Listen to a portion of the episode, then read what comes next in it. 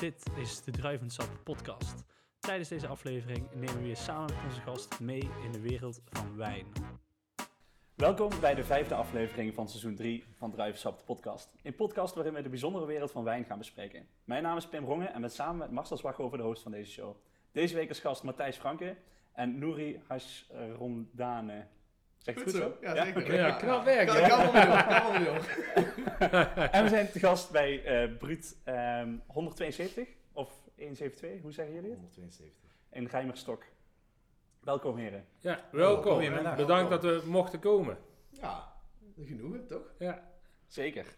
Ja, we beginnen natuurlijk altijd met, eh, met de standaard eh, vragen, om het zo maar even te noemen. Ehm, ja, wie zijn jullie? Wat doen jullie? Komen jullie vandaan? Nou, ik ben eh, Matthijs. Ik eh, werk ondertussen al eh, een, eh, 17 jaar voor Hans. Ik kom uit Stijn. Prachtig dorpje in het eh, Zuid-Limburg. Wie de Steinerbus. Bij de Steinerburg. en eh, ja, ik heb altijd eigenlijk eh, de passie eh, van wijn, eh, heb ik eigenlijk sinds het eh, begin dat ik bij je Beluga heb eh, gewerkt, heb ik dat eh, helemaal eh, opgenomen. En eh, geprobeerd om daar een hele mooie manier voor te vinden om dat ook aan de gasten over te brengen. En dat eh, doen we hier met heel veel plezier. En eh, we doen het eigenlijk al acht jaar doen we dat samen. Mhm. En Nouri eh, ja, zal zichzelf ook even voorstellen, denk ik. Ja, mijn naam is eh Nouri Hashramdane, afkomstig uit eh, Valkenburg. Een paar eh, kilometer hier verderop. Nu eh, acht jaar eh, werkende voor Hans. En eh, sinds eh, ja, twintig ben eigenlijk eh, voor hem begonnen ben. En daar eh, ja, toch ook de liefde voor wijn verder heb doorgegroeid. Wat ooit een keer is eh, begonnen toen ik 18 was bij Chateau Sint-Gerlach. En inderdaad nu eh, ja, een goede zeven jaar echt samen eh, dit weten te doen. En met ook heel veel liefde, passie en plezier. En wat dat betreft eh, zijn we trots dat we hier eh, met z'n tweeën dit mogen doen. Absoluut. En kunnen doen. Ja. Ja, ik denk dat we een eh, leuke Dynamiek. stopwekkende Ja, mix ja, hebben gevonden van, van kennisoverdracht en plezier. Ik denk dat we proberen eigenlijk niet alleen maar de theoretische feitjes op tafel te gooien, maar proberen het echt met een heel mooi verhaal, met een lach, met wat humor en eh, ook met, met diepgaande kennis over te brengen aan, eh, aan onze gasten. Ja, want waar de horeca vandaag de dag niet meer echt puur en alleen om het eh, bordje draait en om wat er in je glas wijn zit, maar ook het stukje gevoel, het stukje beleving er rondom zit, Absoluut, ja. proberen we dat Ja. wel ook echt over te dragen. Is ook Ja. hetgene wat Hans ambieert. Ja, Want, ik kan me nog heel goed herinneren dat ik de allereerste keer een gerechtje van hem ging uitleggen op de manier zoals me dat bij Chateau Sint-Gerlach was geleerd. En toen ben ik nog net niet bij mijn kraag gepakt en gezegd van, wat de fuck ben je mee bezig? Ben Ja, jezelf. ja, en ja. dat is wel iets wat... ja, dat waardeert Hans heel erg. En dat ja, zie je ook terug in het personeel en in de omgang met gasten. Maar dat is ook het, het, het langslevende eigenlijk. Hè? Eh, eh, als je jezelf eh, bent Zeker. en dicht bij jezelf blijft, ja, ehm, dan is je eigen ontwikkeling eigenlijk je verrijking, ook, ook voor de gasten eigenlijk. Hè? Dus dat is het leukste eigenlijk ook. En eh, het is ook het makkelijkste vol te houden. Ja, dan voel je je ook het fijnste. ja, dan voel je ook het fijnste, voel je als een vis in het water. Gasten En dan hou je ook 17 jaar of 8 jaar vol. Eh, eh, dat, ja, dat kan niet iedereen zeggen altijd. eh, eh, in, In de horeca. Ja, en, en ook andere branches natuurlijk. Maar eh, ja, dat is wel knap werk. Ja. En, en, en op eh, behoorlijk niveau. Op een mooie, hele mooie plek. eh, waar Ja, we aan zich komen zeker. rijden. Echt schitterend hier, man. Ja, maar tussen Mooi, de koeien, tussen de varkens. Ja, Heel ja, dan voel ik me echt dat thuis, weet je ook man. wel ja, mooi toch? Ja, dat is ook wat we hier wel proberen. Hè. De- onze wijnkaart, onze wijnfilosofie is ook voornamelijk gebaseerd op gevoel. Ja, het is gewoon no nonsense. Als er Dat iets is niet het. op staat, dan staat het er niet op. Ja, we hebben bijvoorbeeld, nou ja, niet, niet Ja, altijd ja. alles als wijn op onze kaart. Geen Beaujolais. Nee, als, als we wijnen tegenkomen die goed genoeg zijn, dan hebben we ze wel. Ja. Maar wij gaan geen wijnen op de kaart zetten om maar een bepaald gebied op de kaart te hebben. Nee, onze nee. kaart wisselt zo naar ons, onze smaak, eigenlijk Zeker. naar, ons gevoel. Dus wij, wij merken nu dat we, we hadden het er straks heel eventjes over, we merken dat we toch ook steeds meer zonnetjes uit, krijgen het warmte. Dus ja, we beginnen in de rosé-sfeer te komen. En we zijn ondertussen, we, we kopen zelf wat meer rosés. En ja, we proeven ook meer. En dus, dus je zult zien dat er binnen nu en een paar weken staan er echt weer een Drie, vier rosés. Ja, is ook zo, ja, is ook zo. Op de kaart. En dan Ja. gaat dat weer helemaal leven. En die gaan er ook weer vanaf. En dan hebben we er 100 soms ook maar één. Eentje, ja, ja, precies. Prima. En hoeveel posities hebben jullie op de wijnkaart? Eh, Schepperen een beetje. Ik denk dat we nu al tegen een 300 Ja, 350 tussen, tussen de gaan. 250, 350 Ja. zitten we eigenlijk Behoorlijk, altijd wel. hè? eh, Ja, Ja, ja. goed, we zijn er in principe tussen haakjes nog lang niet. Want ja, goed, we hebben natuurlijk een jaar, anderhalf jaar niet echt kunnen uitbreiden. nee, nee. Maar het is ook de echte ruwe opzet was de favoriete wijn van Hans. Ja. En vanuit daar zijn we eigenlijk verder gaan bouwen. Naar Ja. ja. ja, echt gewoon inderdaad ons gevoel. En dat is wel iets wat we hebben gezegd. We hebben een bepaalde basis, zoals Bourgogne, Bordeaux. Ja goed, dat moet er gewoon staan. Ja, ja, ja. Dat, dat is gewoon een bepaalde vraag wat iedereen wilt. En vanuit daar gewoon wijnen waar we echt gewoon alleen maar een gevoel bij hebben. En als we iets gewoon niet mooi vinden, ja, dan staat het er gewoon niet op. Nee, en als mensen per se willen hebben, ja, dan heb je andere alternatieven. ja. Dus vandaar proberen we toch wel iedere week gewoon iets leuks te zoeken.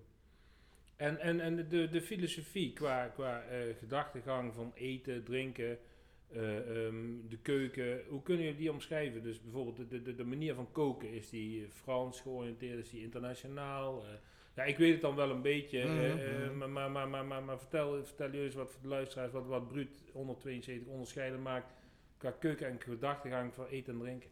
Ik denk dat ehm, Hans in de keuken niet per se één stijl heeft. Ehm, er wordt van alles gecombineerd. Natuurlijk hebben we veel Franse basis, maar we hebben ook heel mooi Aziatische tintjes aan het menu.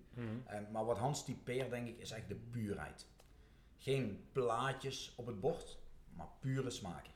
Ja, Dat is echt. eh, Nou, gewoon eenvoud. Eenvoud en simpelheid op sommige gerechten. Zo hebben we een aantal vegetarische gerechten. Ja goed, dat is gewoon één product. Dat is Mhm. champignon, dat is ui. Maar die wel helemaal tot in perfectie gemaakt. Ja. De beste bereidingen, de heel mooi ingedroogde ehm, champignons.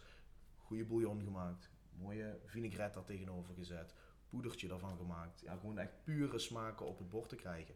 Het tegenovergestelde natuurlijk wat hij bij Beluga deed. Ja, goed, toen ik daar begon, had hij nog wel zo'n periode van. Maar wat jij daar hebt meegemaakt, ja goed, alle gekke bereidingen, 600 verschillende eh, bereidingen van soms gerechtjes. Het helemaal tot in perfectie ook op het bordje willen laten zien.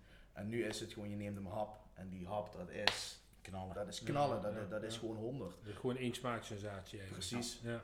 En dat is ook, ja goed, we laten dadelijk natuurlijk bij jullie, voor jullie even alles zien, maar omdat wij ook met verschillende ruimtes werken, krijg je ook op verschillende ruimtes, krijg jij verschillende smaken.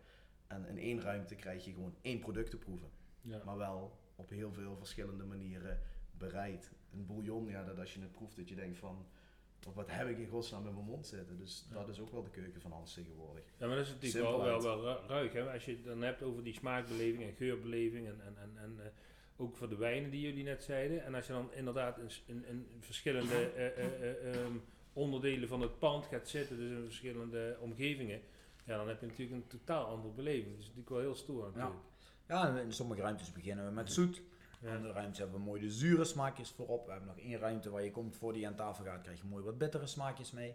Dus hij probeert echt alle smaakjes in iedere ruimte naar voren te laten komen, voordat je überhaupt pas een keer echt aan tafel gaat. Ja. Ik denk dat de meeste mensen zijn 20 minuten tot een half uur binnen Ja, voordat zeker, ze überhaupt aan zeker, tafel zitten. Ja. Oké. Of de tafel überhaupt zien, want die Ja. niet, dus ja. Ja. Ja, en het is inderdaad wat je zegt, je komt binnen, je krijgt zoet, zuur, bitter. En voordat je aan tafel, of eigenlijk als je aan tafel gaat, krijg je nog zijn klassieker, de Hit Me. En dat zijn ook alle smaken nog één keer gecombineerd, voordat je echt begint aan je menu. Dus jouw hele mond, man, die, die, die staat, die Ja, staat die op zijn al springen, helemaal, die, ja, die, heel, die heel die wilt, die smaakpillen wilt. zijn wakker. Ja, Ja, ja, ja. ja, ja, lach je Ja. wel. Ja. ja, mooi. Ja, we beginnen altijd eigenlijk met de vraag. ehm, of ja, we hebben twee vragen waar we mee beginnen. Wat, wat de verbinding is met, eh, met wijn. Dus vaak is het zo dat, eh, dat mensen een bepaald moment hebben dat ze zeggen: hé, hey, toen vond ik wijn leuk. Mhm. Ehm, dus ja, dat, dat is eigenlijk de eerste. En die andere die zal ik daarna nog even eh, stellen. Oké. Nou ja, voor mij was het, ehm, ik kwam bij Beluga binnen en er was toen een sommelier die kwam vanuit de kelder naar beneden met een fles en hij hield die eigenlijk vast alsof hij een kindje vast had. En hij ging naar eh, een, een tafel, maakte dat open met een doekje, een kaarsje voor te decanteren in de karaf. Super traditioneel. En ik vond dat zo'n mooi schouwspel. Ik vond het zo mooi hoe dat, hoe dat die, die aandacht die die fles kreeg voordat hij überhaupt naar die gast ging.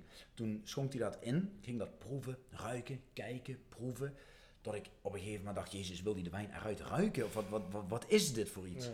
Ehm, na het servies heb ik aan hem gevraagd van, god, ja, wat, wat, wat is dat nou? Wat doe je met die wijn? Toen heeft hij een proeverij gedaan, 15 wijnen op de bar. We hebben die allemaal zitten proeven en over zitten praten. De een was zoet, zwaar, licht, mousserend, droog. Het, was alle kanten. En dat heeft me zo vastgepakt dat ik s'avonds thuis kwam en dacht, nou, dan ga ik dat wijnboek van school toch maar eens een keer openslaan. Ja, uit het cellofaan halen. Ja, en, eh, daar ben ik eigenlijk, eh, ja, daar ben ik nooit meer mee gestopt. Dat is, eh, voor mij was dat het, het nu weet je het moment. Ja, dat ja. is, ja, en sindsdien eh, ben ik 100% in de wijn gedoken.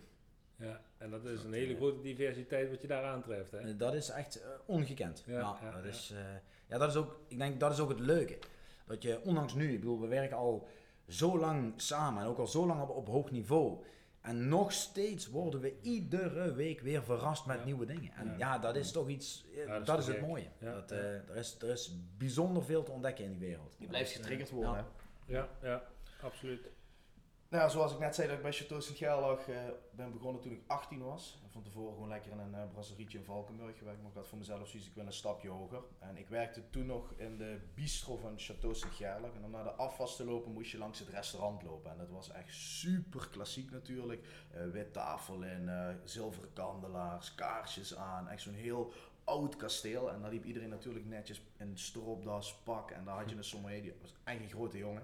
En ook een beetje datzelfde gevoel. Die stond daar aan tafel, die stond daar lekker met passie te praten. Wel ingetogen, maar op een hele klassieke manier. Hadden ze echt zo'n hele grote wijnkaart, die draagde die onder zijn arm. Ja, en toen had ik een aantal weken later zoiets, toen hij eindelijk een keer tijd voor je kon maken, vroeg ik, ja, wil je me iets leren over wijn? Nou, toen zei hij eerst, ga maar eerst eens even iets zelf leren over wijn. En een half jaar later mocht ik in het restaurant werken. En toen heb ik daar altijd een beetje hem ondersteund. En je kreeg daar gewoon het wijnarrangement, dat mocht je een beetje zelf uitleggen. En vanuit dat moment heb ik zoiets gehad van ja, ik wil toch weer verder. En eh, toen bij Beluga begonnen. En toen zag ik hoe Matthijs daar met de wijn omging. En hoe het daar het hele totaalplaatje was. In plaats van eh, het, het hele klassieke. Het hele klassieke Zes, ja, ja. Zes, zes glazen voorproeven en dan pas schenken aan de gast. nee, nee. En toen had ik wel zoiets van, ja, zo kan het dus ook. Van het hele klassieke, echt in volledige feiten zitten praten tot ook de, de leuke kant van wijn. Ja, en toen Ja. is dat ook voor mij een hele omslag geweest van, eh, weet je, ik ga hier volledig voor. Ja, en dat vind ik een hele goeie, wat je nu zegt, de leuke kant van wijn. Ja, ja. Want Over wijn wordt zo vaak zo moeilijk Ja, gedaan. precies, precies. Terwijl het gewoon een sap is wat een boer maakt, eh, wat eh, gemaakt is om- intenties. Ja, ja. met de beste Waar hij ook een gevoel heeft. Ja, ja, waar 100% zijn ge- gevoel en, en, en zijn ziel en zaligheid in zit. En wat gemaakt is om lekker te genieten in Precies. plaats van Moeilijk erover o- moeten over te doen. liggen nuilen, eh, om Ja, het maar zo. zo te Ja. zeggen. Ja.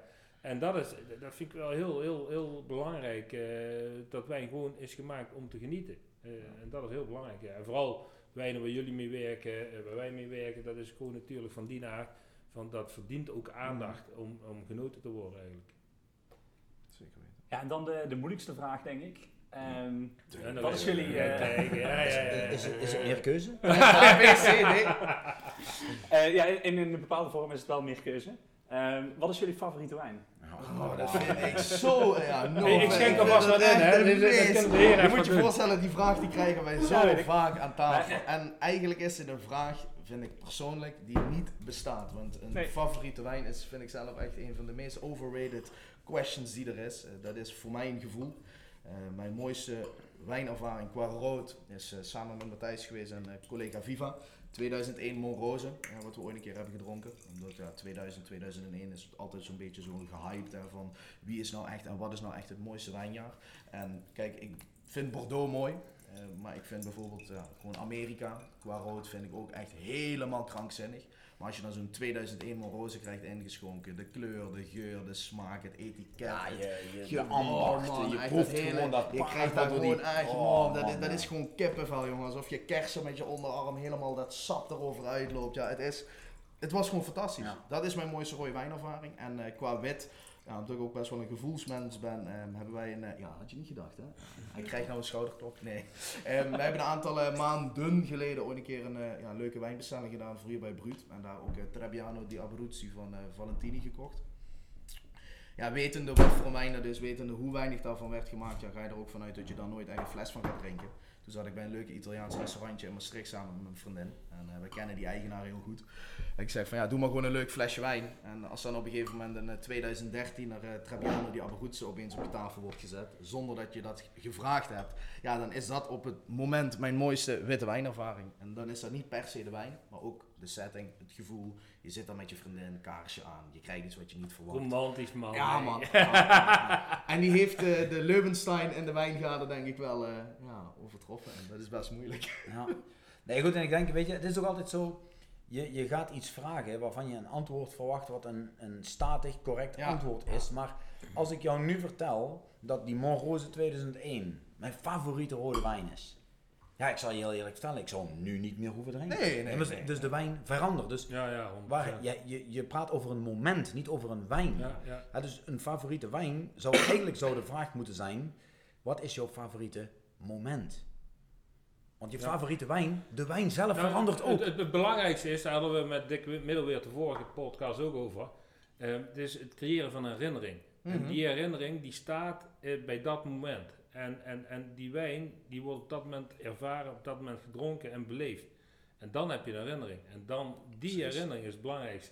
Maar wij doen deze vraag altijd met opzet, want je, je haalt mensen uit de kast. Ja, En ja. Mensen die echt in de wijnwereld zitten, die weten dat hier geen fatsoenlijk antwoord op te Nee, geven En is. dus, er is ook, zeg maar, stel dat je iets zou moeten noemen, dan is dat ook eh, nu iets anders dan Ja, over ja, een uur. En sowieso, over- dus- sowieso. Het is, eh, het is absoluut een Ja. super slechte vraag, maar Ja, dat is ook zo. precies Ja. de reden. Dat, dat is ook het leuke ervan. Dat is ook het leuke ervan, ja. We zijn, eh, we zijn eh, heel goed in slechte vragen stellen. Soms zijn slechte vragen de beste. ondertussen Nee, heeft Marcel ja. iets ingeschonken. Ja, dit is, we, we hebben drie eh, Pinot Noirs meegenomen. Echt heel divers. Want eh, we dachten, ja, we gaan niet één huis meenemen, maar gewoon een druivensoort meenemen. Waarvan de diversiteit heel groot is. we hebben eentje uit Borgenland van Schwarz, de Butcher eh, label. We hebben van King Estate uit eh, Eugene uit eh, Oregon de 2015 Pinot Noir, de Willamette Valley. En dan hebben we, ja, eigenlijk wel een van onze favoriete wijnen. Eh, de Rain van Carlo en Dante Mondavi, eh, de Royal St. Robert, 2016. Dus ja, die gaan we naast elkaar proeven. Ehm, ja, we hadden het net al van tevoren gezegd van... ik ben heel benieuwd ook wat jullie van die wijn vinden en, en hoe jullie die nu beleven. Dus, Mhm. dus, dus, dus gewoon, ja... eh, gewoon eh, eh, niks commercieels, gewoon, gewoon even lekker over wijn praten en, en hoe jullie die nu ervaren. Oké. Dus we, we beginnen nu met die eh Butcher Pinot Noir Butcher. uit Boerenland 2020 eigenlijk. Alright.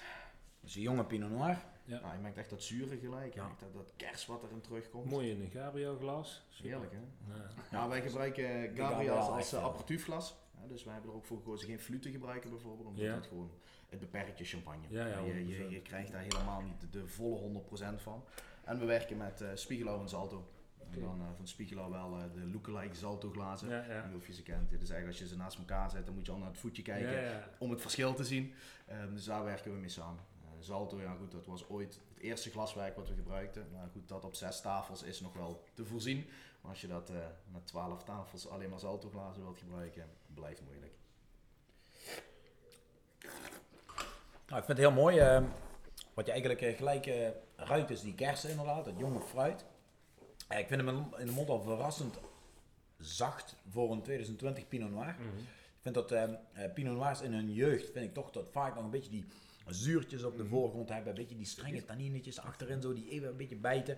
Ehm, dit is al mooi rijp, al mooi kruidig. Boers. Heel boers, ja. en zo zeker. wat ja. aan terugkomen. Maar eh, ja, ik, ik vind het eigenlijk wel al, zeker omdat je hem net op de korf hebt, Mhm. dat hij niet in de Mhm. karaf zit of niet lucht heeft Nee, gehad, nee, nee. vind ik hem eigenlijk echt best wel aangenaam. Ja, dit is wel iets wat ik persoonlijk vind. Dit moet je nu drinken. Dit hoef je niet nog per se Nee. vijf jaar te laten liggen. Nee. Dit is echt Nee. zo'n wijn. Lekker nu drinken. Een beetje in die lente sfeer. Een beetje lekker, Ja. lekker warm. Zweesrikje erbij. Even lekker gelakt buikspek. Joh. Eet ik geen Oh, varkensvlees. ik hoor wat we daar krijgen. Wat Oh, zo, ja.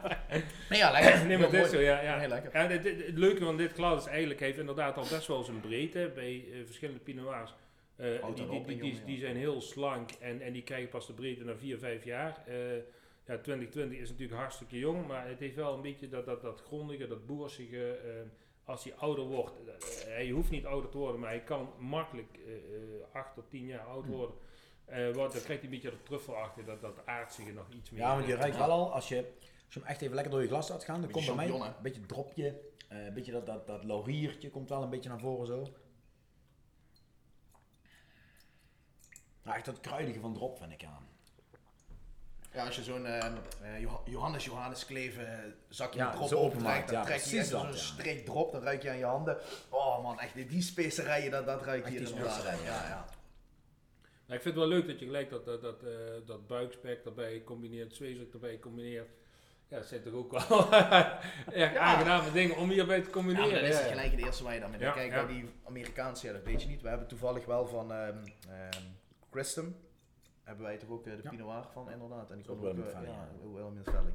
Ja, verrassend hè, 14,5% alcohol wat die dan heeft. Dus je ziet ook toch wel dat Pinot Noir, wanneer dat veel volume door zijn alcohol krijgt, door lange lagering, ja, dat verliest het hele klassieke karakter Mm. wat je hebt van Ja, Pinot ja, Noir. ja, Dat is, ja, eh, ja. en ik vind het jammer dat we altijd heel gauw, en dat doen we ook met Chardonnay, gelijk een vergelijking willen trekken naar een Bourgogne. Ja, dat moet laat, je niet laat doen. dat met rust. Ja, moet Bourgogne, dat is 100 Ja, jaar ja. ambacht en de rest. Dat, dat is een gebied dat wat zij daar maken, kun je nergens meer vergelijken. Nee. Wil je ook niet. Nee, wil je ook niet. Wil je en, ook en niet. ik Nee. denk dat het zeker begon is, want we hebben laatst toevallig wat, wat Pinot Noirs eh, jonge jaren geproefd. En ja, ik, ik vind dat toch wel, je weet gewoon dat ze over een paar jaar heel mooi Ja. gaan zijn. Maar jonge Pinot Noirs uit de Bourgogne vind ik echt wel hele moeilijke wijnen.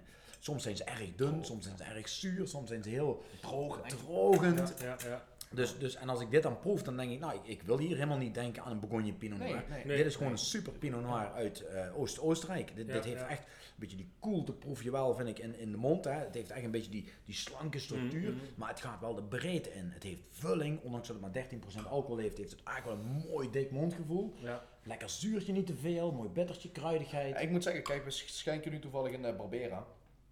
Totale andere klasse, totale andere ja, maar het stijl. zit wel richting Pinot. Precies, precies. Absoluut, Als je- helemaal mee. Precies, precies. Wij En- vergelijken dat ook met Pinot. Ik drink heel En dat- graag Barbera d'Alba. Ja, Echt, en we eh, hebben nu toevallig een Barbera de Alba van eh, 14,5% alcohol, 2,18. Maar dat is wel, het alcoholpercentage zorgt vaak in dit soort wijnen het volume, het mondgevoel, de structuur, de, de, de breedte. Eigenlijk dat hele, dat hele Ja. smaakbeleving kan door alcoholpercentage zo mooi getweakt worden. Terwijl als je dit proeft, ja, en 13% alcohol, normaal gesproken zou je wat meer slankheid ja, verwachten. ja. Maar dit, dit, dit komt echt wel Ja, als het, het, het- het- het- het leuke is dit, hè, je hebt Boerenland, dat is vrij, vrij warm klimaat, maar je hebt dan dat Leitageberg. En Mhm. hij heeft een gedeelte op het Leitageberg staan en een gedeelte wat, wat iets lager staat. Dus daar, daar, daar mixt hij ook mee. Dus ja, hij houdt mooi zijn frisheid, maar hij heeft ook zijn Ja. volume goed. Ja, En dat is eigenlijk eh, een beetje wat hij heel goed doet, ja. Ja, lekker. dat moet je weet je. Ja, wel, die van, DRC eh, van eh, Esterhazy. Chardonnay. Ja, lekker man. Mooi wijn, ja, Ja, leuk. Ja, heel goed. En het begint ook wel. Wil- jij eerst over de attributen? Want ja, die, die, die- Ja, dat we zitten aan een hele grote tafel, maar de hele grote tafel ligt ook goed vol met attributen van de heren. Nou, wij hebben eigenlijk ehm, geprobeerd om van ehm, het wijn openmaken een, een, een, ja, een, een extraatje te maken. Ja, dus we hebben echt eh, een heleboel eh, attributen waar wij eh, de wijnen mee openmaken aan tafel. Want ik zag je straks al met die was eh, een klein beetje ja, knoeien aan tafel. ja, ik zag al allemaal dat, dat gruimel ben tafel. blind geworden, en- ja, die zorg dat. Ehm, dus daarvoor hebben wij bijvoorbeeld eh, deze mini-brander. Eh, dus wij doen eh, aan tafel, ja, je ziet het nu natuurlijk niet, ehm, doen wij mooi eh, de, de wax eh, branden, waardoor die eh, warm wordt en langs de fles gaat lopen. Dan veeg je met een servetje mooi aan de bovenkant, waardoor je kurk perfect naar voren komt om open te maken. En je aan de zijkant een mooie wasdruppel hebt. Het ziet er ook nog heel mooi uit eh, voor de gasten als je dat eh, aan tafel doet. stukje beleving Stukje Ja, beleving. We proberen eigenlijk eh, iedere nieuwe wijn die open gaat, aan tafel. doen we aan tafel. En Ja, dat ja, hebben we inderdaad wat Matthijs gezegd met verschillende attributen. Zo hebben wij een, eh, ja, het, zie dat, het is een vis. Hè, voor de mensen thuis die aan het luisteren zijn. Het is een vis die een beetje met zo'n hydraulisch pompsysteem wordt opengetrokken. hè, harmonica effect. Ja, die draai je dan lekker op de fles. We hebben toevallig als eerste wijn een eh Albarino. Albarino van eh Albamar. Ja goed, daar staan toevallig ook twee bootjes in de zee op uitgemeld. ja, ja. En die doen we eerst branden, want daar zit een wasdop op, wasdop op. En dan eh, gaat de vis erin. Leuke referentie naar dat Albarino wel eens ziltig ruiken. En mensen vinden Ja, het fantastisch. ja, ja, ja. Trek je één keer. Lekker en dan, beschaafd eh, heerlijk. Ja, precies. Ja, ja. precies. En we hebben ehm, eigenlijk natuurlijk het probleem dat we aan tafel de wijnen, wij willen natuurlijk net als iedereen de wijnen voorproeven voordat we ze aan de gasten schenken. Want we willen niet eh, dat er wijnen met kurk of wijnen met fouten aan tafel komen. Ja, ja. Maar wij willen zeker niet aan Met tafel staan met wijnglazen. Nee, want dat, dat vinden we gewoon de foute uitstraling. De barman die bier staat te drinken is ook niet de goede uitstraling. Dus wij hebben deze klassieke eh tas de vin hebben wij weer nieuw leven ingeblazen. Kijk, even ah, de gezichten van die twee mannen. Ja, nee, ik- heerlijk, ik, ik, heerlijk, ik had het liefst een vol glas, maar ik kan Ja, proeven. ja, dat is maar een klein ding, hè? ja, maar we hebben er allebei één. Ik, Ja. ik heb zo'n grote kom. En Verschil moet er zijn. Ja, jij werkt ook al lang hier, ja. Nee, maar ja, wij vinden het eigenlijk heel mooi. Dit zijn echt eh, hele eh, klassieke, Klassieke, ja. eh, zilveren eh tas de Wens. We hebben die van eh eh, een onze eh, sterke Ja, drankimporteurs gekregen. Zeker, ja. Van Slijterij, het Raadhuis. Hij doet het echt. Hij heeft allemaal dit soort dingen. En ja, wij zijn er zo blij mee. Mensen, mensen eh, vinden het eigenlijk heel raar dat je aan tafel staat met zo'n met zo'n schaaltje. Want kijk, wij kennen het heel vaak van de orde van de Chevaliers uit de Ja, ja. Bourgogne. Ik bedoel, dus Ja, voor ons eigenlijk gesneden koek. ja. we Ja, hebben er allemaal over gelezen en dit of dat. Ja, ja. Maar ja, een, een gast van tegenwoordig, Ik denk dat het een asbak is. die denkt dat het een ja, is. ja, ja. Hè, dus, dus, nou ja, wij, wij leggen ook uit, we, we slurpen er mooi de wijn vanaf. Dan kunnen we dat met twee, drie druppeltjes, kunnen we echt gewoon proeven of de wijn goed is. Waardoor wij maar heel weinig Drinken, wijn proeven. drinken, proeven eigenlijk. Hè, want dat willen we natuurlijk niet. En, maar ja, je wil het ook niet uitspugen aan Nee, tafel, ja, dat is een beetje een raar verhaal. Dus, dus ja, we hebben dat nieuw leven ingeblazen en ja, dat, dat valt wel Leuk. echt in, eh, in de goede orde. Zo doe je echt het hele show van het openmaken, doe je aan tafel. Ja, je geeft de, wijn daar al zijn extra aandacht die die verdient. precies. En dat is Precies leuk. dat. En heel vaak Ja. is het zo dat ik hoor heel veel gasten, heel veel vrienden, heel veel kennissen zeggen dat het mooiste geluid van de wijn de plop is. Nou, Nou, en, en wij Ja, hebben ja, ons laatst Ja. zaten bij elkaar en, en iedere sommelier, iedere uh, heel netjes, doet het heel netjes. Ja, alleen- ja, je ja. mag alleen maar een horen. Bij champagne vind ik dat wel. Dat is een Champagne die natuurlijk, maar- Die moet heel... Maar er wordt zoveel wijn opengemaakt zonder de plop. Mhm. Eh, Dus wij zaten in de eerste lockdown. Kijk, deze boerderij, er zijn heel veel eikenbalken. En Hans heeft er in het restaurant een paar moeten wegsnijden en die lagen achter in de wei. Dus wij zaten in de eerste lockdown natuurlijk eh, een beetje te schilderen. We hebben hier een beetje terras gelegd. We hebben van alles tuin- eigenlijk eh, gedaan. De tuin is echt onze hobby Ja. geworden. Dus, en en jullie uiteindelijk... hebben eh, groene vingers, jongens. ja, ja, Hey, ja, en uiteindelijk zeiden we, weet je wat we doen? We moeten eigenlijk een hele klassieke opener maken. Echt zo'n opener Oh, waar je gewoon tussen de benen gewoon je de fles openmaakt. Dus die hebben wij zelf gemaakt. Dit zijn eh, de bruutopeners. We hebben er eh eh, bruut in gebrand. En ik vind het, ik haal het na twee ze doen het eigenlijk nog Ja, steeds. nee, Dat is bizar, hè? eigenlijk. Nou, we hebben er wel een paar overgetrokken. Het was eigenlijk in het begin een beetje, een beetje kijken van hoe ga je dat nou doen, want je hebt een goed handvat nodig. Maar laten we heel eerlijk zijn, dit is nu echt... Aan oh, tafel, ja, dit dit- is er komt gewoon Dit een is- keiharde plop aan tafel. Wijnen Mensen worden zeggen echt hier, oh! Opengemaakt. Ja, dat is, dat is zo Ja, maar het is, zo, zo werd wijn ook vroeger gewoon Precies. opengemaakt. Ze hadden geen fancy hefboompjes met een mesje waar ze netjes ja, alles mooi openmaakten. Nee, het was gewoon ruw, het was gewoon opentrekken. Gewoon dat boerse gevoel, de ambacht weer op tafel te zetten. Ja, en ehm, ja, jullie kennen Inspector Gadget, hè? jullie kennen Ja, ja. eh, James Bond. hè. Kijk eens. En dan denk je, oh, wat is dit nou? Hè? Voor de mensen thuis, het ziet uit als een fietsenpomp. En eh, ja, wij volgen iemand op Instagram die eh, echt alles op de meest wazige manieren openmaakt. En eh, hij kwam op een gegeven moment een soort van fietsenpompje. En we hadden zoiets ja, van, fuck man, dat moeten we eigenlijk ook hebben. Dus op een gegeven moment had Matthijs dit besteld en ik kom er op een gegeven moment mee aan. Ik zeg, ah, dit is fantastisch. En je doet eigenlijk zo'n naald, wat je dus ook met een fietsenpomp hebt, die steek je in de kurk. Je trekt hem omhoog en je gaat eigenlijk pompen. En er komt lucht de pompen. Ik fles. weet niet of jullie het horen thuis. En Door komt die lucht druk. En pats! Ja, dat kurk is eruit. fantastisch. Ja, Ongelooflijk. dat geeft eigenlijk een harde knallen. Dat is eigenlijk... dus mensen zeggen, oh! Dat is eigenlijk ja, dat is fantastisch, ja. Dus wat dat betreft proberen we het met zoveel mogelijk... eh, Egaars te doen eigenlijk. ja. Ja, maar wel Ja, maar zo bescheiden, hoort wel het. Zo bescheiden. hoort het. hè. Ja, Ik bedoel, ja. wijn mag opengemaakt worden aan tafel. Dat, Het is ook een kunst. Kijk, een wijn openmaken achter de bar, Kan niet dat is makkelijk. Kan niet. Want als je kurk overbreekt, ga je er gewoon met de vork in. Of Ja, met ja. een set. Of, het maakt niet uit, want niemand ziet het. Het voorproeven is een, een, een kunst, is een ambacht op zich. Het openmaken is echt een ambacht op zich waar je ook heel veel focus en heel Mhm. veel aandacht voor nodig hebt. Want wij kunnen nu wel doen alsof we allemaal leuk en dit. Mhm. Maar wij zijn echt met die openers aan, wij zijn dat echt aan het oefenen. Want het moet natuurlijk wel Goed zo gaan. zijn dat het kwaliteit uitstraalt. Ja. Hè, Het, het is geen spelshow. Dus aan tafel, ondanks dat het lijkt alsof wij een hele eenvoudige manier hebben om wijn open te maken. Nee, het is wel... Het, eh, het nou is ja, echt precies. een, wij hebben van het, van het openen wel echt een diepgaande onderzoek gemaakt om echt te kijken van hey, hoe werkt deze open? Hoe kunnen we dit op een subtiele, leuke manier doen zonder dat het heel Als een of andere clownshow eh, Ja, uitziet. Ja, precies. ja, super Dus, dus voor ons, wij zijn daar wel echt mee bezig om te kijken. Hè, dus dus, dus eh, wij willen wel achter iedere opener hebben wij wel diepgang gezocht. Voordat we met deze aan tafel gingen, Hebben we wel eigenlijk een paar weken eh, verder. er zijn er helemaal plopjes Ja. geweest. Ja, en ook heel veel niet. Ja, ook heel-. Eh, Ja, maar het leu- leuke is, dat je, je hebt een verhaal eh, eh, ehm, en, en je maakt inderdaad eh, eh, ehm, daar echt, echt gewoon, gewoon, gewoon een ding van. Ik vind ook dat wij dadelijk eigenlijk eh, van die attributen een foto moeten maken die wij Ja, in, onze post moeten gaan eh, verwerken, dat de mensen het wel kunnen zien. Ja, zeker. dus ik vind Houd het wel... even vast. ja, ja. Ondertussen heb ik ook mijn best gedaan. Ja, zeker. Eh, we hebben nou de King Estate eh, Pinot Noir uit de Willamette Valley, eh, 2015. Eh, het huis King Estate dat ligt onder, ongeveer 2,5 uur rijden onder Portland. En het ligt in Eugene en dit komt uit de Willamette Valley. Dus Willamette Valley is dan wat, wat noordelijker eigenlijk. En daar komt deze Pinot Noir vandaan. Dat is ook wel heel cool, hè, als ik me niet vergis. Ja, eh, ja, is eigenlijk een van de- de coolste gebieden daar. Dus hè. de Pacific Northwest eigenlijk, eh dus het begon je eigenlijk Ja, precies, eh, ja. om klimatologisch eh, te, aan te duiden eh, van, eh, van Amerika. Maar wel veel zonuren, hè? eh, wel veel, Wel veel zon. zonuren, ja, ja, dat wel, Ja, ja, dat ja, wel. maar wel net zo nat Ja. en dergelijke. Dus eh, ja, dat is wel echt leuk. En is dit een klein huis of een groot huis? Ja, ik ken het Dit is, niet, een heel, dus, eh, dit, dit, dit is een heel groot huis. Het heeft eh, Ed King, eh, t- eh, vroeger industrieel, heeft dat eh, toen de tijd eh, gesticht. En eh, we hebben behoorlijk wat hectare. En ehm, mijn favorieten bij hun zijn altijd eh Ze maken meerdere eh, eh, wijnen, maar de Pinot Noirs en de Pinot Gris eh, daar vandaan vind ik echt eh, subliem. Het doet mij toch gelijk denken aan gerookte bacon. Niks Het heeft wel eh, iets, iets gerookt daarvan. Ja, ja. dat heeft Hoge. Aangenaam. aangenaam.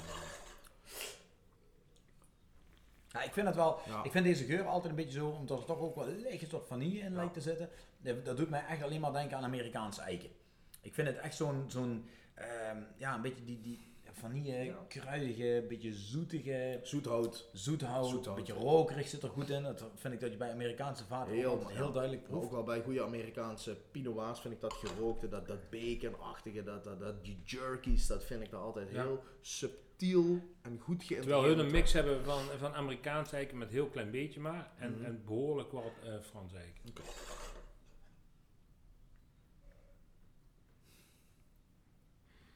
Ja, wij voeren dit huis al heel lang. Eh, ik denk al zo'n 28 jaar. eh 7, 28 jaar. Eh, we zijn er toen mee begonnen, eh, toen Hubrecht Duiker nog, nog erover schreef. En toen heb ik Hubrecht gebeld, gebeld, gefaxt. En toen heb ik Amerika gefaxt, over en weer. En toen hebben we het eigenlijk, zijn gaan importeren eigenlijk.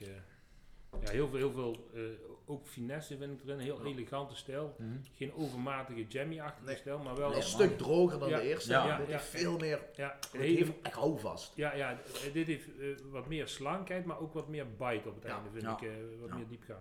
Juicy. En welk jaar is het? 15. Ah, 15. Ja. Je doet veel Amerikaanse wijnen? Of Ja, eh, we zijn ooit ik een keer met het bedrijf begonnen. eh, toen de tijd met eh, zijn we vier of vijf jaar op een rij naar Californië. Een vriend van mij die belde me op, Massa, heb je zin om mee naar Californië te gaan? Ik zei, nou, er zijn andere plaatsen waar je kunt eh, landen. En toen zijn we het bedrijf als Rijntje eigenlijk begonnen. En, Mhm. eh, en toen zijn we Amerikaanse wijnen gaan importeren, heel veel. Toen hebben we Australische wijnen eh, toegevoegd. En toen zijn we pas Europese wijnen in het portfolio eigenlijk gaan toevoegen. Dus en nou gaandeweg hebben we ook heel veel Europese wijnen natuurlijk. Maar we hebben echt focus ligt op Amerika. Ja, En, niet eh, focus, maar wel echt leuke dingen hebben we daarin. Wat Oh gek, ja, man. ja, ja. Maar dat komt denk ik ook omdat de voorliefde, of niet de voorliefde, maar met eh, graag drinken, hè, en jij ook graag drinkt, zorgt er ook voor dat je er iets sneller naartoe neigt. Maar altijd Pinot Noir dan? Of ben je ook wel een cabernet drinker? Of is... Nee, mij maakt het eigenlijk niet zo Oh nee, uit. oké. We hebben bijvoorbeeld van, eh, bij. We hebben bijvoorbeeld van eh, eh, hele mooie Shiraz, eh, hele mooie Zint van Dels, van Radio Coteau allebei.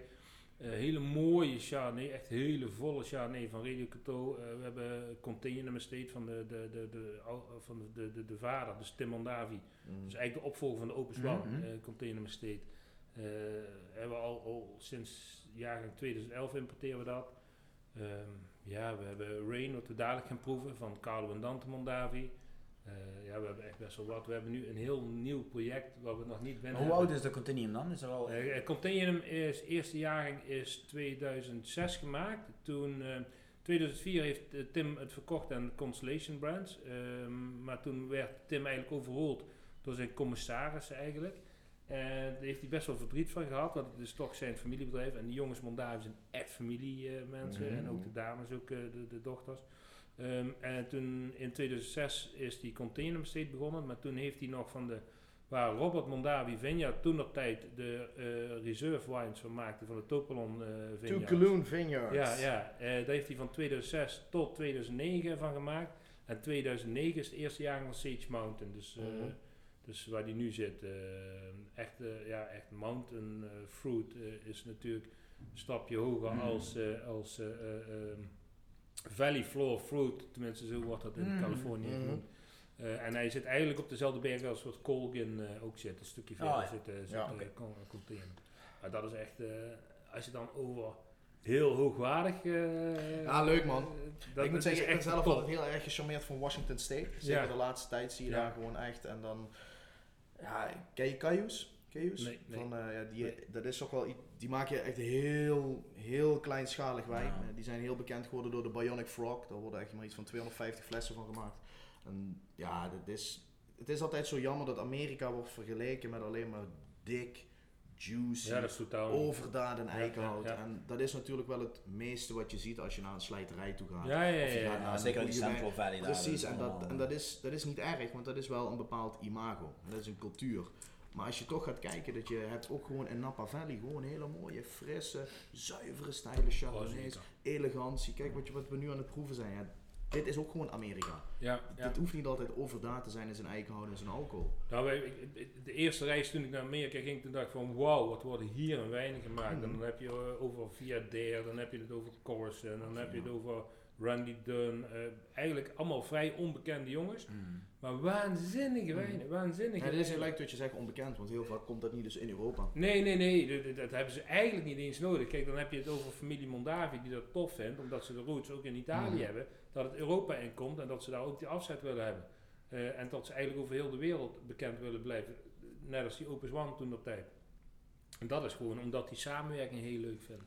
Ja, goed, als je het eh, kwijt kan in je omgeving, ja. Ja. goed, dan is de noodzaak tot exporteren, wat natuurlijk ook een heleboel Mhm. gedoe met zich meebrengt. Ja, eh, ja, niet ja, ja. altijd eh, Ja, voor de hand ja. liggend. Nee, dat want, want in principe, bijvoorbeeld Harlan en State of Bond, Ja. of de, die hebben die export niet eens nodig, Nee. terwijl ze het wel doen. Maar dit, Ja. dit is merendeels van de Californische wijnen worden daar ook gewoon gedronken. Eigenlijk Ja. alle wijnen in heel Amerika worden eerder door het eigen land geconsumeerd dan Ja, door de rest. ja, en dat ja, is gewoon heel absoluut. erg jammer. Ja. Vind ik persoonlijk. Is ja, en, en Ja. export wordt vaak zo overhyped dat ze hier ook Veel te duur, veel, te duur veel te duur, veel te duur. Wil je een beetje goed Amerika kopen, dan ja, zit je gewoon wel echt makkelijk boven de 30, Ja, maar 40 als je in. Amerika bent, Hey, niet normaal wat duur het daar is. Ja. Is echt niet normaal. Als je dan, ja, dit wordt natuurlijk door, door, door eh, weet dat, eh, eh, wat onder San Francisco is dat, eh, Monterey. nee, nee, dat gebied van, Robles. nee, waar, waar, waar echt, echt, echt de, de, de, de, rijkdom zit, I- eh, ICT en zo. eh, Oh, waar Apple Silicon ook Valley. zit. Silicon Valley. Silicon Valley. Ja, ja. Ja, en, en dat, dat slaat gewoon helemaal door naar, naar, naar boven toe. Hè. En als je ziet wat daar wordt besteed aan dat is echt niet normaal. Dat is echt niet normaal. Ja, ik, ik kom daar niet dagelijks. Nee. Nee, nee, nee. Vertel. Ja, ja, nou, goed sparen, dan ga je dan... ja, ja, ja, ja. Ja, maar we zullen eh, die rain ook even inschenken eh, van de jongens eh, Mondavi. Pim, heb jij nog vragen? Ehm, nou ja, het, het, eh, mijn microfoon werkt niet zo heel erg goed, dus daarom dat ik eh Ja, je vindt je aardig stil, ja. probeer wat minder te zeggen. Maar is je nog niet hoor. Omdat eh, ik denk dat ik dit allemaal over moet gaan inspreken thuis. Ehm, dat maakt verder niks uit. Ehm, nou ja, goed, dit- ehm, we hadden het straks over wat de favoriete wijn is. Ehm, dit staat bij mij vrij hoog op mijn, eh, op mijn lijstje. Oh, leuk. Ehm, en dat heeft niet, eh, niet alleen met te maken, ja, precies wat je zegt, is het de wijnbeleving. En dat heeft voornamelijk te maken met, eh, met Carlo. Carlo is een van de, van de ja, eigenaren, wijnmakers. Hoe hij de wereld bekijkt en hoe hij die filosofie doorvoert in onder andere zijn wijnen. Ja, daar ben ik ongelooflijk fan van. Hij, eh, gelooft heel erg in dat, eh, een van zijn uitspraken is dat je de wereld beter achter moet laten dat je hem, ge- dan dat je hem gevonden Mhm. hebt. Ehm, dat heeft hij vrij hoog, eh, hoog in het vaandel staan. Ehm, hoe hij, hoe betrokken hij is bij alles, dat is gewoon heel erg, heel erg tof om te zien. Ehm, en dat vind ik ook dat je dat echt eh, proeft in zijn eh Dus een, eh, wijnmaker die niet alleen maar als, als manager rondloopt op zijn bedrijf, maar echt Nee, zelf, zelf verre de, van, de verre van. plukt en... eh, ja, ja, Verder zeker. van. Carlo en Dante trouwens Ja, ook. ja, zijn allebei mensen, mensen en, en echte levensgenieters. Ehm, en ehm, Carlo heeft nou ook een, een vriendin in Italië, dus in Piemonte. heeft ook een wijnbedrijf natuurlijk in La Morra en, eh, van Brandini. En die zijn samen gegaan, hebben ze nou laatst eh, daar een huis gekocht. Eh, ja, en toen zat er toevallig ook een wijngaard bij. En een, Ja, wij- een wijnmakerij en alles. Ah, 10 hectare grond, dus dat is wel... Hey, wel- zo moet zijn, hè? Ja. een toeval, ja, ja. Dus daar hebben ze ook een nieuw project van gemaakt. En ook waanzinnig sap natuurlijk weer. Maar ja, dit is hun project in, in Sonoma Coast, eigenlijk Sonoma Coast Area. En eh 2016. Ja, wat er meteen opvalt is, eh, het is in 2016, dus hij is iets jonger dan de vorige wijn. zo Maar, zo, maar je, ziet, en je ziet ook qua kleuren, Ja, heel ja. mooi die bruining al Ja, erin. ja. Ja. Ja, dus je ziet echt aan de rand eh, eh, veel duidelijker die bruining dan de vorige wijn. Zou eigenlijk duiden, daarom keek ik heel even naar het jaartal. eh duidt er natuurlijk vaak op, zeker bij eh, een, een goede Pinot Noir vind ik dat Echt dat hij ouder echt is. wat ouder is. Ja, Pinot Noir heeft soms net als Nebbiolo in zijn jeugd al snel wat, wat, wat bruins. Ehm, maar ik vind als die zo bruin is en een beetje, lijkt wel een heel klein beetje troebel te zijn, is zo, ja, ja, ongefilterd. Ja, ja, dus dan krijg je echt al meteen die indruk dat je hier een wijn in 2010, 2009 drinkt. Maar als je nou ruikt, dan, komt, dan gebeurt er wel iets, vind ik. Mm. Dit heeft wel echt eh, een hele uitgesproken geur. Vluchtje leer zit er mooi in. Wat ik zo... ehm, Ja. Wat, wat ik ehm, aan deze fles heel erg bijzonder vind, is dat geen enkel etiket er rechtop zit.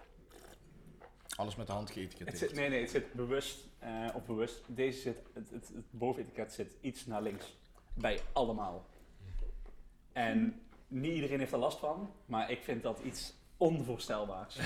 Oh wat, ja, mij, ja. wat mij deze fles ook gewoon onmogelijk laat vergeten. En ik dacht eerst, oh, ik heb een fles waar die verkeerd opgeplakt zit. Is bij allemaal zo. Waanzin. Dat vind ik te gek. Dat vind ik te gek. dat is echt te gek. Ja, maar het zijn zo'n energieke jongens Ja, ook, hè, die, ja. eh, die het maken. Dat is echt geweldig. Ehm, verwachten dit- dat ze dit jaar nog naar, eh, naar, naar Nederland komen, ook met eh Containum, nieuwe jaargang eh, 19, eh, nieuwe jaargang Rain. daar gaan we een grote presentatie van maken. Alleen, we zitten met het vervoersprobleem. Alles staat nog in San Francisco Bay. In een groot warehouse, eh, maar dat staat er al twee maanden gewoon te wachten. En er zijn geen boten op dit Nee, maar Dus wel gekoeld. eh. Ja, ja, dat is allemaal goed. Ja, anders, eh, anders hadden we het probleem eh, ook met hun gehad, eh 100%. Ja, ik vind het wel heel mooi. Mooi man. Kijk, en als je zo in de opbouw kijkt, hè, je begint Ja. inderdaad met, met, Met precies, precies. Uit Oostenrijk ga je naar Pinot Noir, die ook wel wat lekkerder of ja, wat meer Iets wat droger is. Iets, iets droger is, iets eh, eh, dit slanker, maar, maar, maar toch die kracht heeft. Ja, en hier zit je dan, vind ik, ja, hier ga je wel echt gewoon naar eh, grote Pinot Noir. Dus wel, Ja, ja. ja, ik bedoel, als je krijgt nogmaals die kleur, doet vermoeden dat het iets anders is, dat het wat ouder is. Heeft het Maar het zoveel leven, zoveel frisheid, zilte tonen. Het heeft echt die, die, die koelte daar van, van die, van die eh eh, Sonoma Coast natuurlijk. Ja, dat is heel dynamisch glas. Ja, is echt, eh, ja, springt op en neer. Heel mooi drinkbaar. gaat overal ja. heen. Goede tannine Niet, overal. niet overdaad in zijn eikenhout, Nee. totaal geen alcohol wat, wat de overhand wil nemen. Het is gewoon echt puur, het is de expressie van de druivensoort uit het gebied. En dit is gewoon top Pinot Noir. Het is gewoon een grote Pinot Noir van Ja. wat je over de wereld kunt krijgen. Ja, ja, En dat is het mooie aan de druivensoort. Je krijgt het gewoon overal anders en je kunt het met niks vergelijken. Nee, en nee. ook met de line-up wat je vandaag Het is hebt totaal anders, hè? Het Ja. is allemaal, Ja, heeft ja, het ja. gewoon een eigen gevoel, een eigen, eigen, verhaal. identiteit. Ja, Precies. ja, ja. En dat, dat is het leuke, vind ik aan wijnen. Dat, Maar ik, ik vind Pinot Noir wel ook... Kijk, nu als je in het hoge segment mooie Pinot Noirs drinkt, dan, dan zijn die vaak heel erg lekker. Mhm. Maar ik vind het wel altijd heel moeilijk om een goede prijs-kwaliteit Pinot Noir te Mhm, vinden. mhm. Eh, zeker natuurlijk als je kijkt hè, naar, naar klassiek Bourgogne, daar, daar is dat verhaal natuurlijk heel moeilijk. Soms koop je een eh, Bourgogne Rouge van 23, 24 euro. En die is echt fantastisch, die is, die is meer dan zijn geld waard. En soms kopen we er eentje van 40, 50 euro en denken we ja, Ja. Zuur, Dit, ijzer. gaat, dit gaat er nooit worden. gaat Ja, ja, nooit worden. Je proeft gewoon dat die wijn er nooit gaat komen. Het is ook iets wat ik niet snel zou kopen. Nee. Voor thuis privé. Nee. Ja. In een restaurant misschien wel, omdat dat dan toch een beetje wat anders is. Hè, maar dan zou ik persoonlijk ook niet snel naar Bourgogne toe gaan. Ja, ook al vind ik het waanzinnig, maar inderdaad prijs-kwaliteitsverhouding. Rood Ja. Ja, Rood en rood en niet wit en rood, rood, puur rood.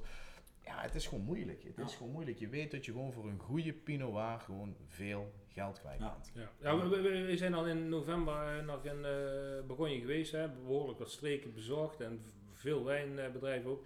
Maar wat mij opvalt, ook bij die echte toppers, Grand Cru en eh, Premier Cru's, en je vraagt de wijnboer van, nou, we denken hoe lang dit die moet liggen. Liggen, Mhm. liggen.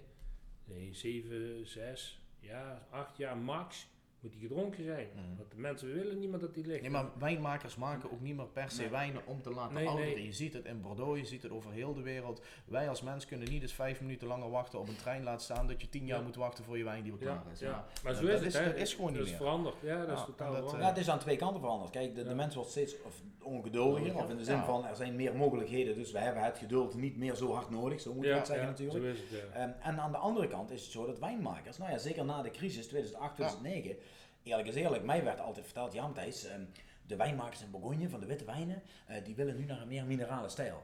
Nee, ze hebben geen geld meer voor vaten. Dat is Ja. een heel ander verhaal. Ja, ja, ja. Dus, dus er werd gewoon een stijlverschil opgelegd. Terwijl ik denk van, die vaten, dat kostte destijds zoveel geld. Dat, dat daarom, ze zijn gestopt vanwege de crisis met...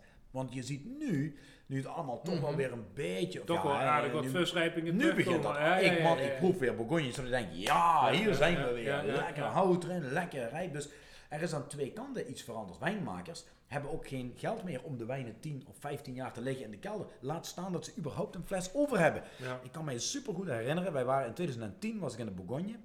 En daar zat eh, Armand Rousseau, die zat in een restaurant achter ons te eten. en degene met wie ik was, die kende hem, of in ieder geval die, die wist wie die was en noem maar op. En die ging vragen, god, hè, eh, kunnen wij niet, niet wat, wat, wat flesjes kopen? We zijn hier nu en we hebben dit en we hebben dat.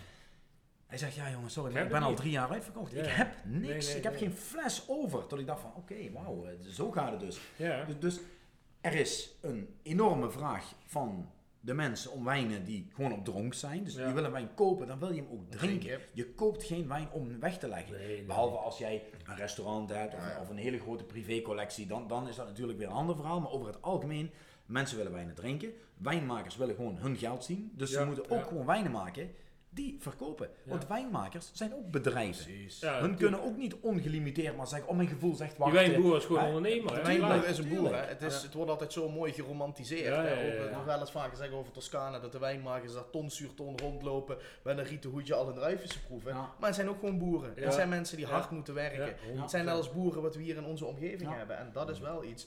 Wijnmakers zijn geen wijnmakers meer. Het is een multimediaman die social media moet Ja. gebruiken. Die Ja. allemaal kanalen moet gebruiken om Ja. zijn wijnen te verkopen. De, de, de tijd verandert. Wij als mens veranderen. Dus je ziet ook dat wijnen veranderen. Stijlen van wijnen. Gigantisch. Het is, Ja, het is ja. niet meer alleen het hele klassieke traditionele. Ja.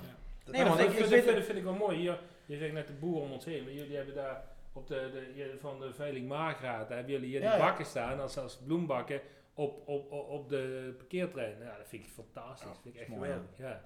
Ja, maar hier komen wij, wij komen ook wel steeds meer ons eh boerse, Boerse gevoel. gevoel. aan. Ja, want wat wij- Nee, en- maar wat Ja. wij nu aan het zeggen zijn, ja, goed, als ik ga kijken, als we dat bij Beluga, bij Beluga Ja. hadden we een hele Heel andere mindset. andere mindset. Ja, ja. En dat is ook wel, ik, dat is waar we het over hebben gehad voordat de microfoons aanstonden, corona. Wat heeft je dat gebracht? Ja, ook wel deze denkwijze, ook Ja, wel ja. deze filosofie. Nou goed, als je, ik zeg altijd zo, hè, de Duitse wijnbouw, dat is eigenlijk wel een voorbeeld waar soms de hele wereld wel even naar mag kijken. En tuurlijk, hè, er zijn gebieden als een Bourgogne die hoeven echt niet te gaan kijken naar hoe andere gebieden het doen. Maar de puurheid, de echtheid, de zuiverheid van die mensen, hoe zij, hoe zij bezig zijn met nadenken. ja, dat is fantastisch. Ja, dat laat ook gewoon wel echt zien Ja, wat voor boeren het zijn. Wat Of je nou een wijn van 7 euro koopt of van 24. Ze het zijn is- allemaal het goed. is Ze altijd zijn allemaal minimaal goed. goed. gewoon. Ja, Dus minimaal goed. Slechte wijnen krijg je daar. Ja, Maar- krijg je wel, Maar, maar, krijg je maar, wel, maar ja. dan moet ik heel erg zeggen, eh, dat heb ik in Toscane ook zelden gehad, hè, een slechte wijn. Dus Hmm. Ja, maar dat heb je gehad toen je in Toscane was. Ja, Heb jij hier een wijn van 7 euro uit Toscane? eh, ja, Ja. ja. ja, dat, ja, dat, ja die, die, kan wel eens tegenvallen. Die kan, die, ja. die kan wel eens eerlijk. heel veel tegenvallen. Ja, ja. Het is ook een gevoel als jij in Toscane bent. Ja, maar, maar wij schieten ook heel veel dingen af hè, voordat wij proeven. Ja. We gaan bij proeven, we royeren en, en als er bij ons iets doorkomt, dan zijn er minimaal 200 flessen minimaal afgeschoten en dan komt er misschien één of twee doorheen. Dus zo gaat het. Ja. Zoals jullie selecteren ook, Selecte- zo gaat dat bij ons ook. Ja, nee, oké, maar dat, dat, dat, dat is natuurlijk het maar, maar die herinner ik me dus niet meer, hè? Maar, maar het, nee, nee, dat begrijp Nee, ik. Maar, nee. maar de, de, ik vind in Duitsland, koop jij bijvoorbeeld in een supermarkt een wijn van 7 of Ja, 8 dat is gewoon euro, lekker. dan, dan, ook al ken je het huis niet, ken je de stijl niet, Ja. dan is die echt wel Lekker, gewoon goed.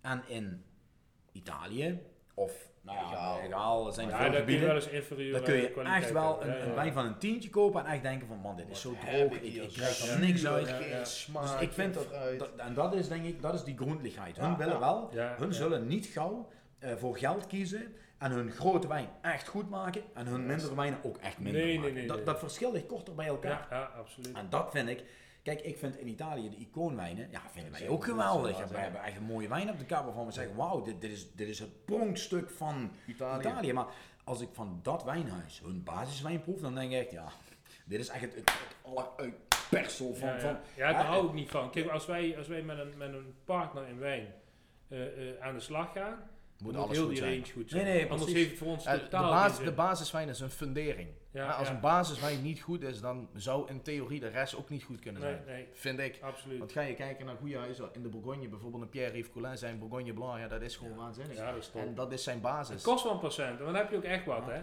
heb je echt wel. Maar in de Bourgogne Ja. zie je dat, vind ik wel. Hè. Bourgogne Blancs zijn gewoon over het algemeen ook gewoon goed, omdat dat gewoon Ja. hun basis is. Als dat niet Dus eh, klopt, ook, dan- ook hun referentie eigenlijk, Ja, hè? precies. En dat zie je in Duitsland ook, ja goed. Ja. Dus inderdaad, dan ga je bij wijze van spreken, ja, heel stom voorbeeld, naar een Aldi in Duitsland. Koop je daar echt inderdaad een Riesling en Weissburgunder, het maakt niet uit, van een onbekend huis. Ik doe het wel eens vaker, als ik dan in Duitsland ben, koop je bij de Aldi gewoon een flesje. Ja, het is gewoon goed. Het is gewoon lekker. Ja. Het is gewoon, het is Ja, gewoon leuk. prima. Het is een geld waard, gewoon Ja, geld waard. Ja, ja, niet, niet waanzinnig meer, Nee, nee, het is nee, gewoon Gewoon voor het moment dat je het drinkt, Drink, lekker buiten. klaar. Ja, Ja, ja, dat is iets wat we toch ook wel, wij hebben, eh, op onze Instagram doen we altijd eh, ook eh, de wine we didn't love at first sight.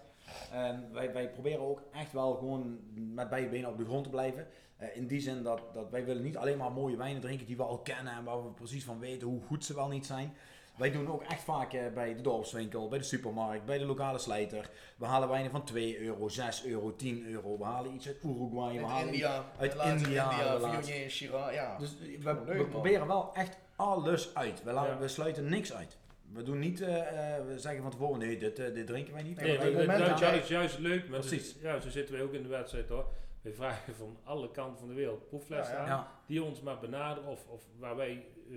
ja, en, en daardoor krijg je natuurlijk heel veel referentie. Want nou, daar zijn ze nog niet zo ver. Ja, daar daar, daar precies. moeten ze nog wat verfijning. Daar, daar hebben ze het klimaat nog niet helemaal goed begrepen ten aanzien van, van, van, van, Van de van, van, de. En noem maar op. En, en, en dat is wel heel belangrijk om Ja. voor jezelf die, die, die ontwikkeling met proeven in de gaten. Je kunt overal wel lezen, maar als je het proeft, Ja.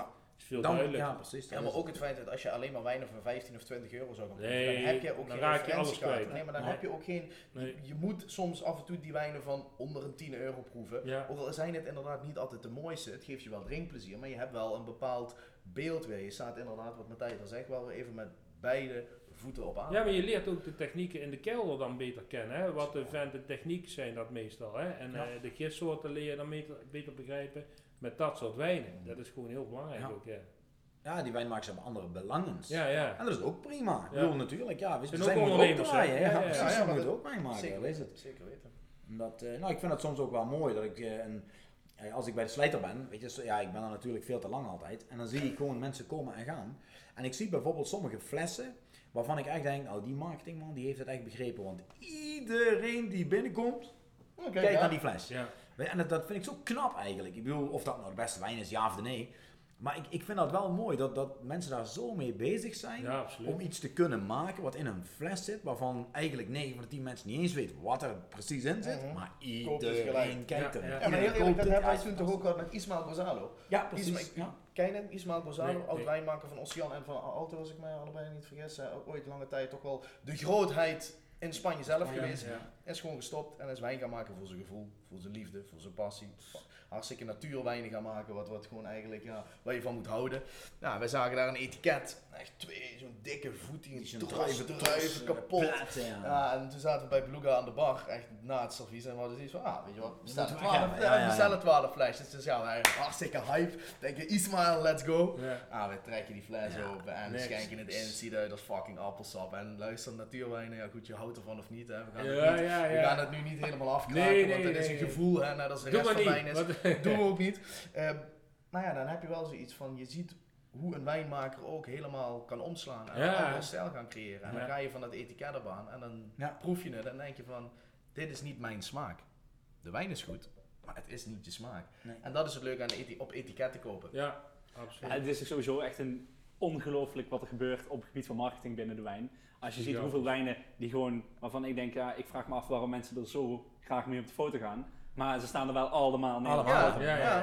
Ja. En dat vind ik onvoorstelbaar. Dat is gewoon knap. Is het klaar. Ja, ja en dat, zeg maar, dat is, ik vind het echt, als je dat voor elkaar hebt gekregen, dan alleen daarom verdien je het al eigenlijk. Maar 100%. ehm, dat mensen daar zo op stuk gaan, dat dat zo mooi vinden. En Ja. dan automatisch ook maar lekker vinden wat er in die fles zit. Ja, wat zonder namen te noemen.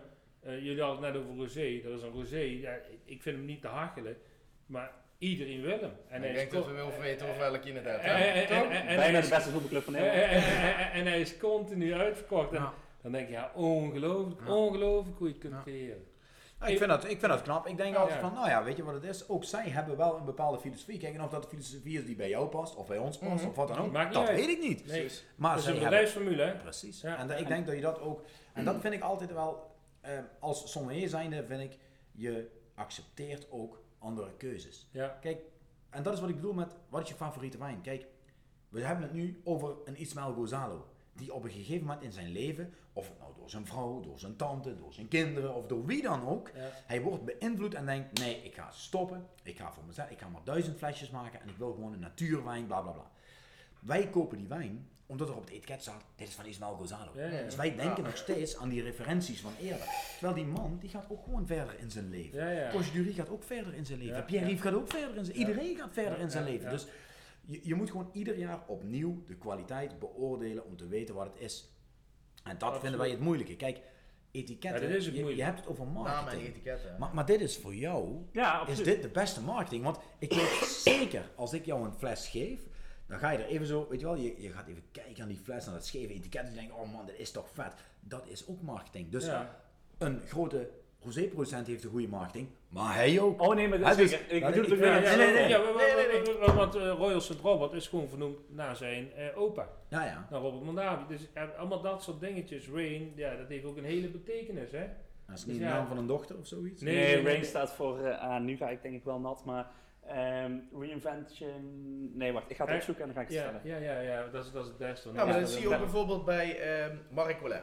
Het Ja, is, het is uh, Research of Agriculture Ja. in Ugly Naturally. Ja, Ja, ja, Dat doet hij uit Ja, ja. Hè? Dat wist Ja, ja, ja, Ja, dat wist ik. Ja, Ja, ja. ja. Hier, maar Hij, hij is ingelezen, Ja, Matthijs. ja, weet weet alles, weet alles. Nee, maar hij heeft op een gegeven moment Saint-Aubin, volgens mij, wat maakt hij niet meer? Henri Remy of eh, hij maakt... Nee, Nee, eh, hij maakt de ja. Premier Cru maakte hij niet meer, omdat hij zijn wijngades heeft moeten doorgeven aan zijn kleinkinderen. Ah ja, Margot Dus- toch? Of Marc Ja, ja. ja.